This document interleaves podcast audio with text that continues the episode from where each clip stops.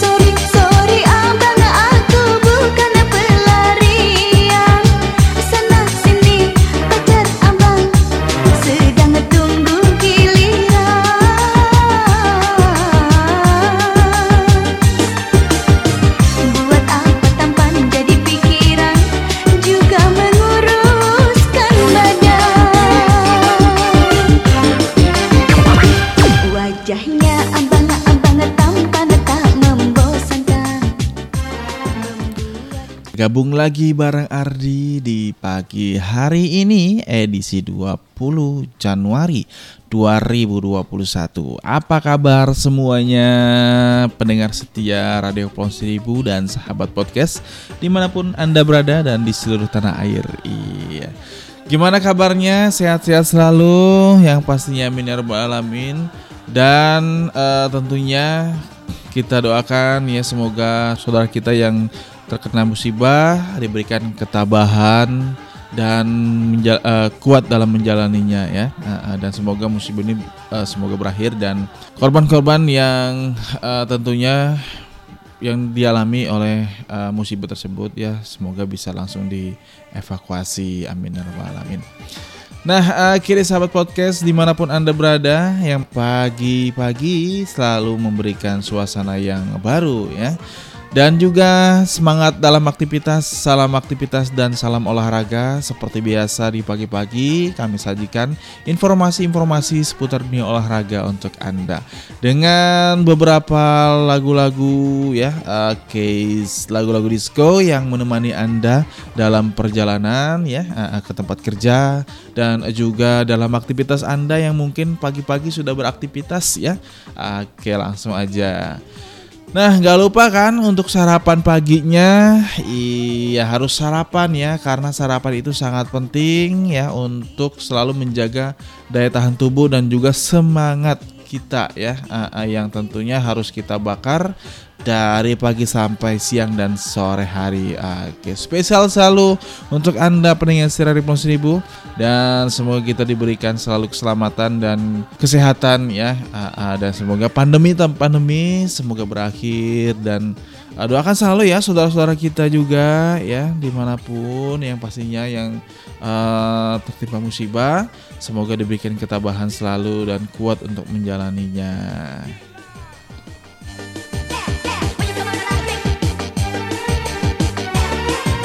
Nah nggak lupa juga nih untuk para sahabat podcast di Pulau Seribunya atau para nelayan ya Pulau Seribu dan seluruh air. Iya berhati-hati selalu dalam aktivitas ya di lautan sana. Iya, yang pastinya semoga diberikan kelancaran dan keberkahan dalam hasil dan juga. Langsung aja di pagi hari ini informasi mulai dengan sepak bola untuk anda.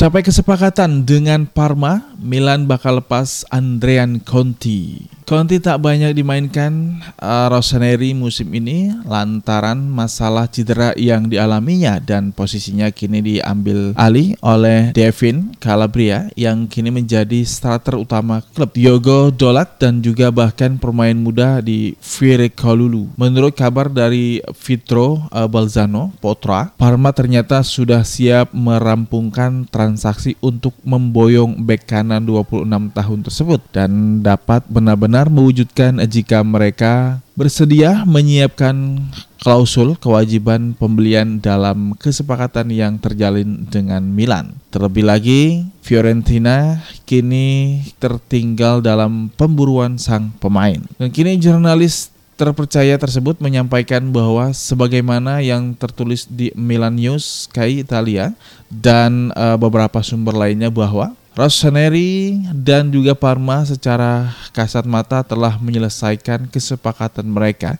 yang akan membuat mantan bintang Atalanta tersebut angkat kaki dari San Siro dengan status pinjaman dan pilihan pembelian di angka 7 juta euro atau setara dengan 112 miliar rupiah.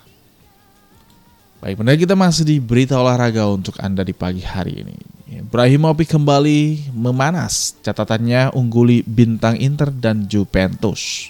Ibrahimovic tampaknya menjadi penentu dalam kesuksesan Rossoneri menundukkan Cagliari di Sardinia pada Girontane ke-18 Serie A yang sekaligus menandai berakhirnya paruh pertama musim ini. Legenda asal Swedia tersebut mencetak gol pada masing-masing babak untuk memastikan Milan tetap memuncaki klasemen sementara dengan kemenangan 2-0 tersebut uh, di sebagaimana yang ditemukan oleh La Gazzetta dello Sport sang pemain uh, sempat melakukan pemanasan saat melawan Tarino dan menunjukkan di Sardinia Arena bahwa ia telah kembali. Rata-rata mencetak golnya bahkan lebih fenomenal ketimbang sebelumnya mengingat ia telah 12 kali menjebol gawang lawan di Serie A musim ini dengan 5 break dalam 7 penampilannya sebagai starter striker. Rosneri tersebut menyampai catatan lakukan uh, namun bomber Inter tersebut memainkan 9 pertandingan lebih banyak. Tak hanya itu, ia juga memperkecil jarak dengan Cristiano Ronaldo dari Juventus yang menorehnya 15 gol musim ini. Dan jika di rata-rata Lukaku mencetak uh, satu gol setiap 104 menit Ronaldo satu gol setiap 79 menit, namun Ibrahimovic mengungguli keduanya dengan catatan impresif satu gol setiap 52 menit. Telah lebih dari satu bulan dipaksa, absen striker 39 tahun itu tersebut tampaknya tidak ingin berhenti lagi.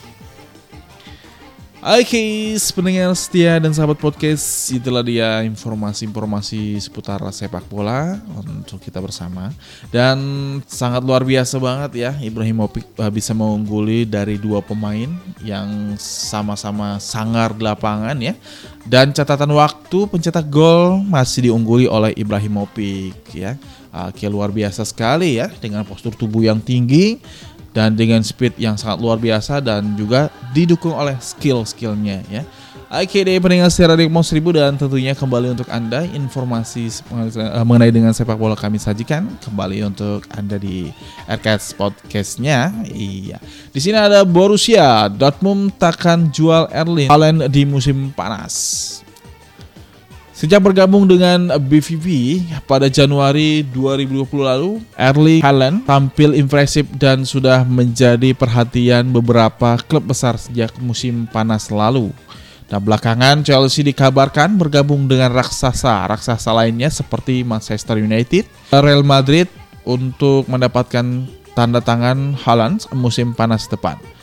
Dan menanggapi laporan tersebut, media-media Jerman mengaku tak yakin bahwa ia akan terjadi Dortmund jelas tak ingin kehilangan Haaland uh, setelah baru satu setengah tahun uh, mendapatkannya. Bahkan jika ada klub yang mau membayar lebih dari 75 juta euro nilai klausul uh, pelepasannya yang baru aktif pada 2022 depan atau 2022 tahun depan. Weki juga merasa bahwa itu tak akan terjadi meskipun dia dia juga sadar bahwa cepat atau lambat Haaland akan meninggalkan Dortmund.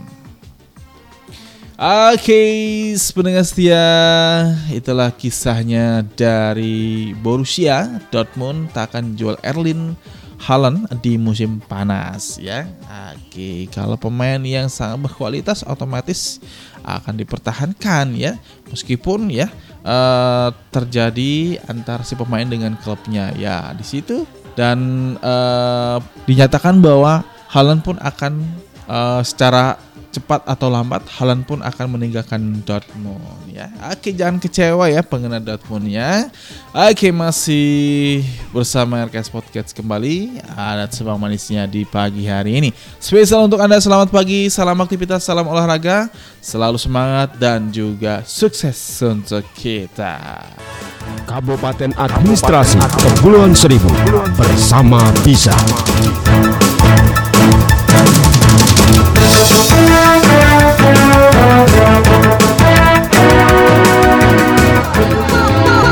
Fucking track. Fucking track. Fucking track.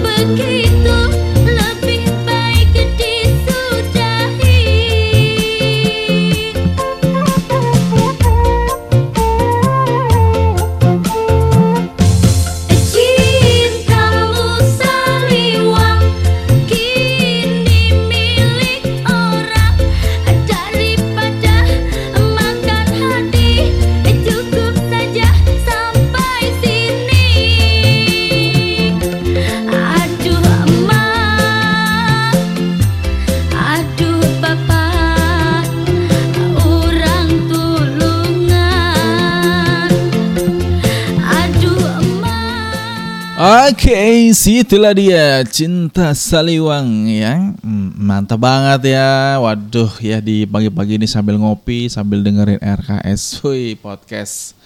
Pokoknya indah banget ya. Uh, cuaca kembali untuk Anda kami ramalkan. Ya, bukan ramalkan, tapi kami informasikan ya. Informasikan ya cahaya sekarang. Uh, sorry, cuaca bukan cahaya. Ngawur ya. Oke, cuaca Kepulauan Seribu agak lumayan Alhamdulillah tenang banget ya. Dan semoga di kota-kota kalian juga.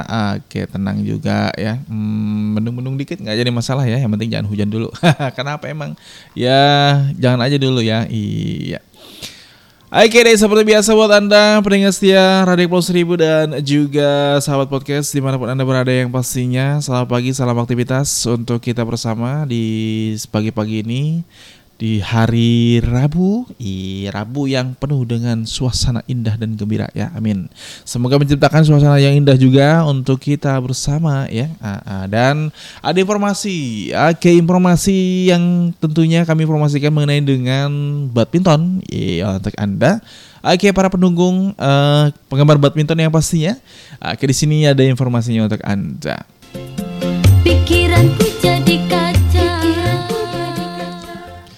Singkirkan Denmark, Leo dan Daniel lolos 16 besar Toyota Thailand Open. Pasangan muda Indonesia Leo Roli Karnando dan juga Daniel Martin belum berhenti membuat kejutan di BWF World Tour Asia setelah pekan lalu sukses menembus semifinal Yonex Thailand Open.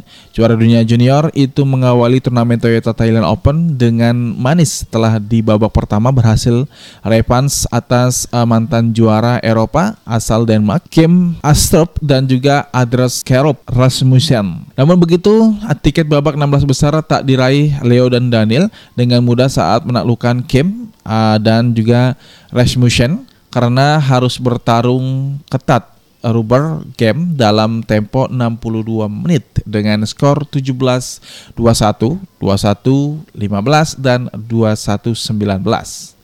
Game pertama dimulai, Leo dan Daniel masih mampu mengimbangi kecepatan dari pasangan Denmark hingga angka berimbang 3-3 namun selepas itu Kim dan juga Rasmussen langsung menguasai keadaan terus memimpin sehingga keunggulan 17-11 dan pasangan Indonesia sempat bangkit setelah ini dan juga perlahan semakin mendekat hingga hingga di 17-19 sebelum Denmark berhasil menutup game pertama. Leo dan Daniel masih tak bisa keluar dari tekanan pasangan Denmark di awal game kedua hingga interval dengan keunggulan 9 11 namun perlahan pasangan Indonesia mulai mengejar setelah menyamakan kedudukan menjadi 12-12. Liu dan Daniel terus melesat meninggalkan perolehan poin untuk mereka, perolehan poin untuk merebut game kedua dan memaksa dilakukan game penentuan.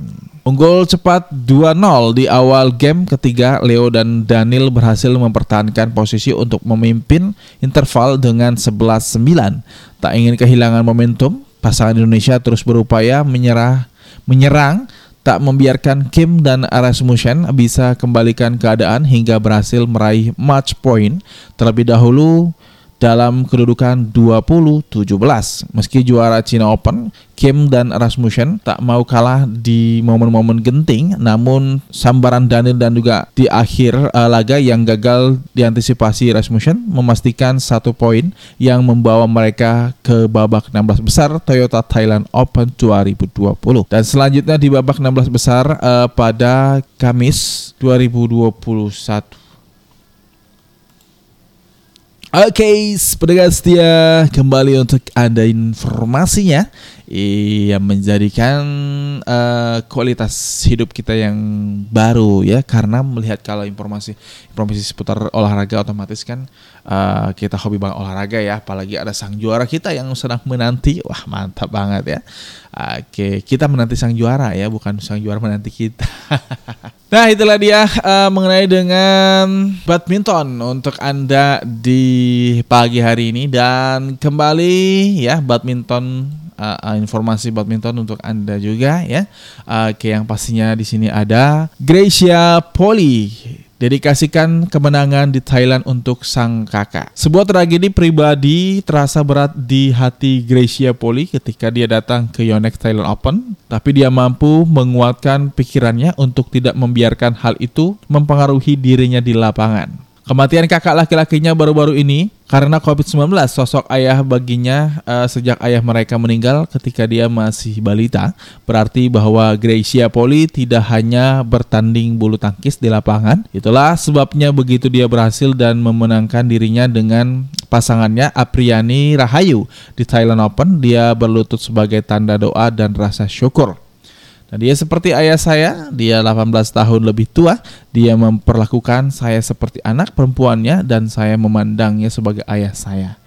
Setelah ayah saya meninggal dunia ketika saya berusia 2 tahun, dia pun mengurus seluruh keluarga dan dia semangat uh, mendukung karir bulu tangkis saya. Tenang Gracia Poli sambil menangis dan dia pun sudah melihat saya sebagai juara berkali-kali sangat menyakitkan.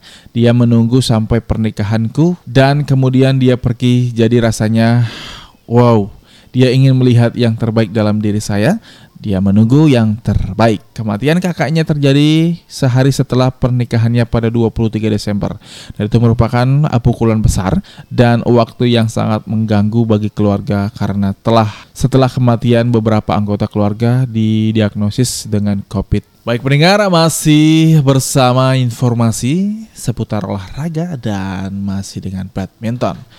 Hasil final Yonex Thailand Open, lima negara berbagi gelar. Turnamen bergengsi Yonex Thailand Open World Tour Super 1000 yang berlangsung di Impact Arena, Muang Thong Thani, Bangkok telah usai pada minggu lalu. Malam waktu setempat hasilnya lima negara berhasil membawa pulang satu gelar uh, ke rumah masing-masing. Dan gelas, uh, gelar pertama dipersembahkan oleh wakil tuan rumah pasangan Dekapol Puaparan Kron dan Saspirs Trektang TKI yang sudah sukses uh, Revan atas musuh bebuyutannya asal Indonesia, uh, Frepen Jordan dan melatih Deva Octavianti lewat pertarungan 3 game 21-3, 20-22 dan 21-18 dalam tempo 56 menit. Unggulan ke-6 uh, ganda putra asal Taiwan Li Yang dan Wang Chi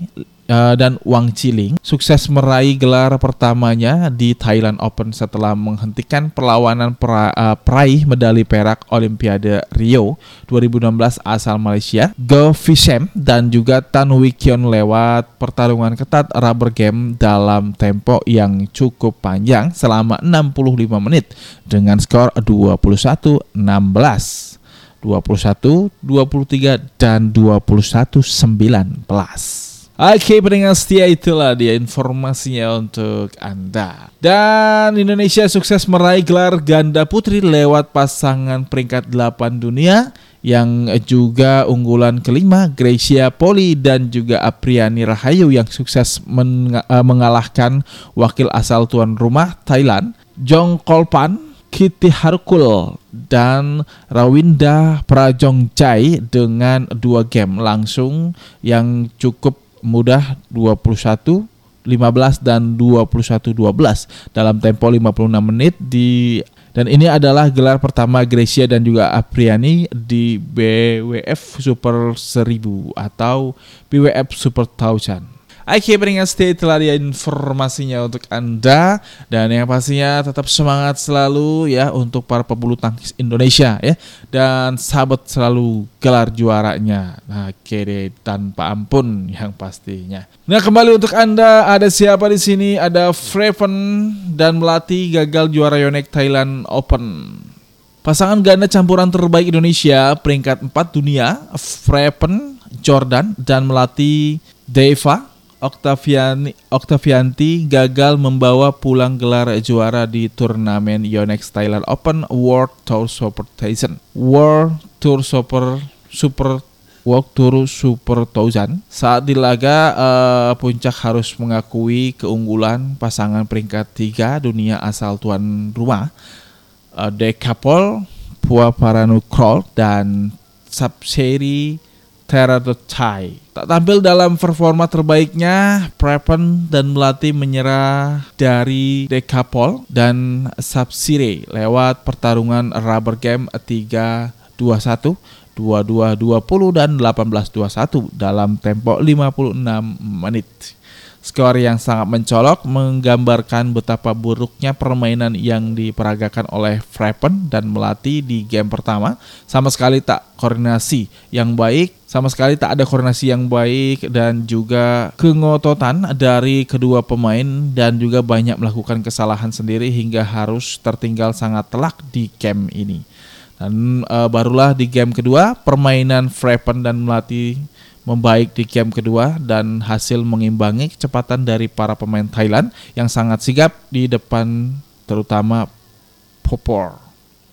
Oke, pendengar stay telah ada informasinya untuk Anda di pagi hari uh, di pagi hari ini dengan informasi seputar olahraga yaitu badminton ya.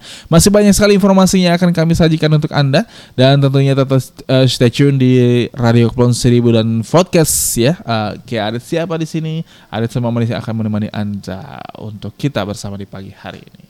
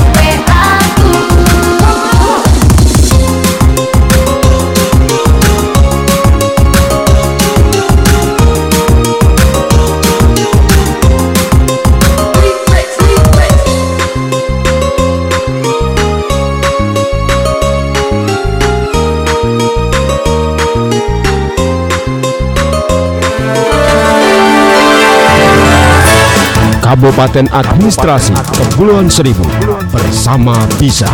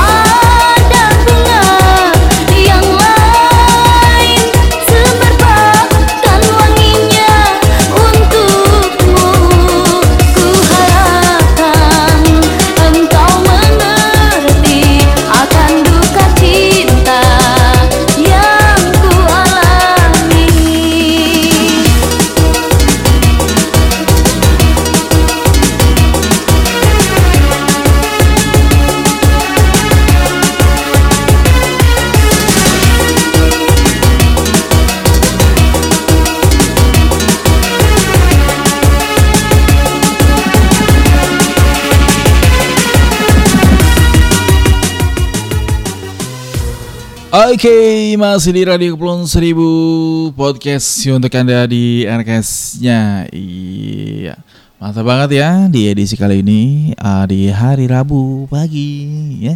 Salam aktivitas selalu, nggak lupa-lupanya kami berikan salam ya. Uh, Nggak bosan-bosan deh untuk memberikan salam. Dan semua manusia yang penuh dengan gairah ya uh, Disko-disko ngebit ya untuk Anda Yang selalu kami sajikan dan manjakan telinga Anda dan dengan informasi-informasi seputar olahraga dan kembali informasi untuk Anda. Ya, berita ini kami sajikan dan hadirkan. Ya, ada siapa di sini? Akhirnya rupanya ada Milan resmi umumkan ya transfer Mario Mandzukic di ini detailnya.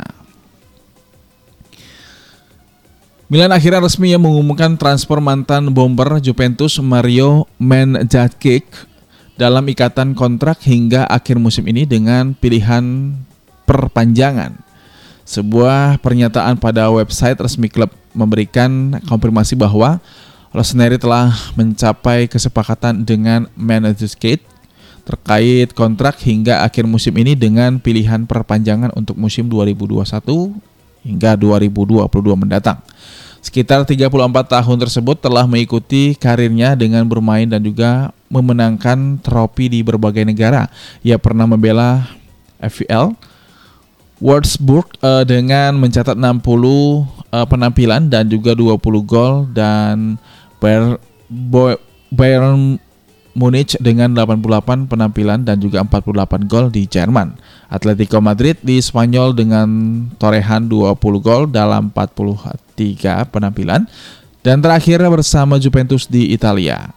Mungkin masanya bersama uh, Biancanori yang membuat pemain internasional uh, Kroasia tersebut menjadi sangat dikenal mengingat ia telah membukakan 44 gol dalam 162 pertandingan klubnya. Yang eh, terakhir adalah tim dari Qatar Al Duhali. Namun ia hanya bermain dalam tujuh pertandingan di sana. Pemain syarat pengandalan, uh, pemain syarat pengalaman tersebut telah memenangkan 24 trofi bergengsi, termasuk satu Piala Liga Champion, satu Piala Super UEFA, satu Piala Dunia antar klub, dan 9 gelar liga domestik dan 12 trofi lainnya. Wow mantap banget ya, uh, sangat berkualitas banget nih pemain ini dan pada akhirnya uh, kemenangan-kemenangan yang dia raih ya, wah mantap banget ya semangat juangnya sangat perlu kita uh, tiru ya akhirnya. Dan gak kalah juga di sini ada Ricky Puig, waktunya untuk bangkit dan terus berjuang. Gelandang muda Barcelona, Ricky Puig eh, mengakui bahwa mengalami kekalahan di final Piala Super Spanyol memang tidak mudah.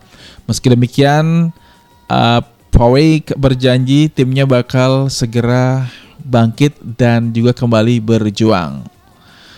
Rikwi mengakui tidak bisa menerima kenyataan bahwa timnya kalah di final dan hal tersebut dia tulis dalam keterangan uh, keterangan fotonya di akun Instagramnya Instagramnya dan sulit untuk kalah di final Super Copa ketika kami begitu dekat saatnya untuk bangkit dan juga terus berjuang untuk laga yang tersisa musim ini. Itulah mengapa kami adalah uh, Barcelona dan Ricky hanya bermain beberapa menit saat memasuki babak perpanjangan waktu. Dia masuk di menit ke-97 untuk menggantikan Sergio Busquets dengan keadaan tim sudah kalah. Namun eh, sebenarnya Barcelona unggul terlebih dahulu dengan skor 2-1 hingga akhirnya uh, Bilbao menyamakan gol pada menit ke-90 namun pada menit ke-93 Inaki William uh, membuat gol menakjubkan yang membuat gelar pertama musim ini jatuh pada Atletico Bilbao bukan Barcelona. Dan gelandang jeb, uh, jebolan Akademi La Masia ini masih sangat muda setelah menjadi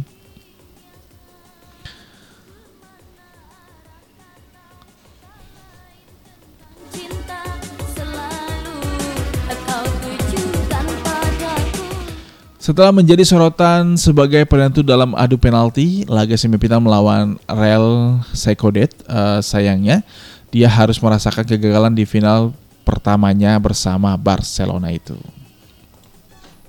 Oke, okay, sebenarnya setia kembali untuk Anda informasi-informasi yang selalu kami sajikan ya.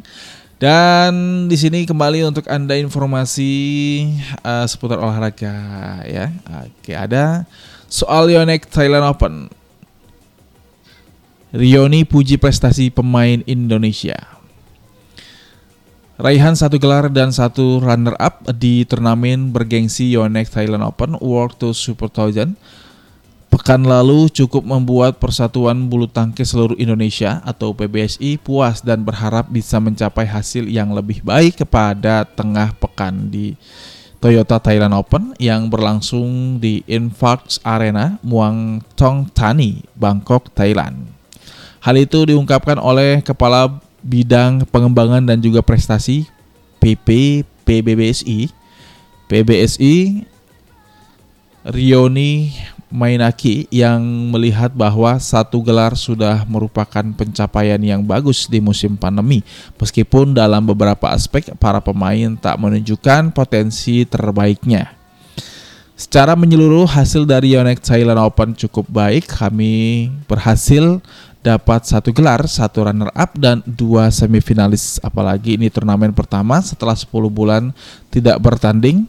Ungkap Rioni Mainaki kepada tim humas dan juga media PP PBSI yang juga uh, menjabat sebagai pelatih tunggal putri. Dan di sektor ganda campuran pasangan yang sangat diandalkan untuk meraih gelar Yonex Thailand Open, Prapen Jordan dan juga melatih Deva Octavianti gagal melewati hadangan unggulan teratas tuan rumah Dek Kapol, Puafaran dan juga Sabsril uh, Tertatanoce di laga puncak. Sementara juara Indonesia Master 2020, Anthony Ginting harus mengaku keunggulan mantan juara dunia asal Denmark, Victor Excelsen di babak semifinal yang akhirnya keluar sebagai juara setelah di final mengalahkan Angus Eng Kalong asal Hong Kong. Dan di ganda campuran, Freven dan juga Melati memang seharusnya bisa menang tapi mungkin adaptasi dengan lapangan pertandingan belum maksimal. Di tunggal putra, Ginting sudah bermain bagus tapi memang belum beruntung.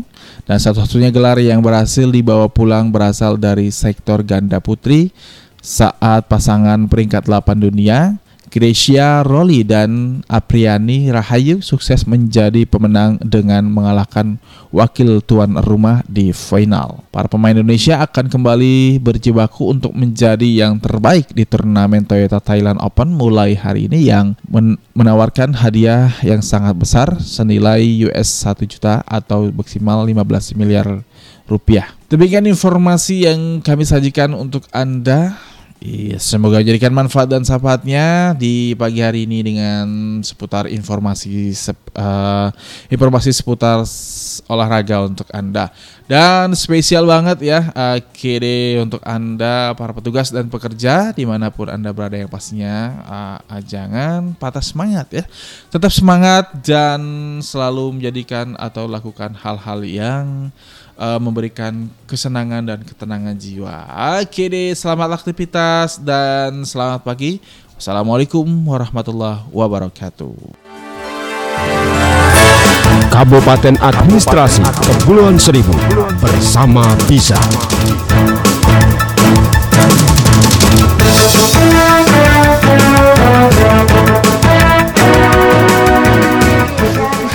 That you never heard before.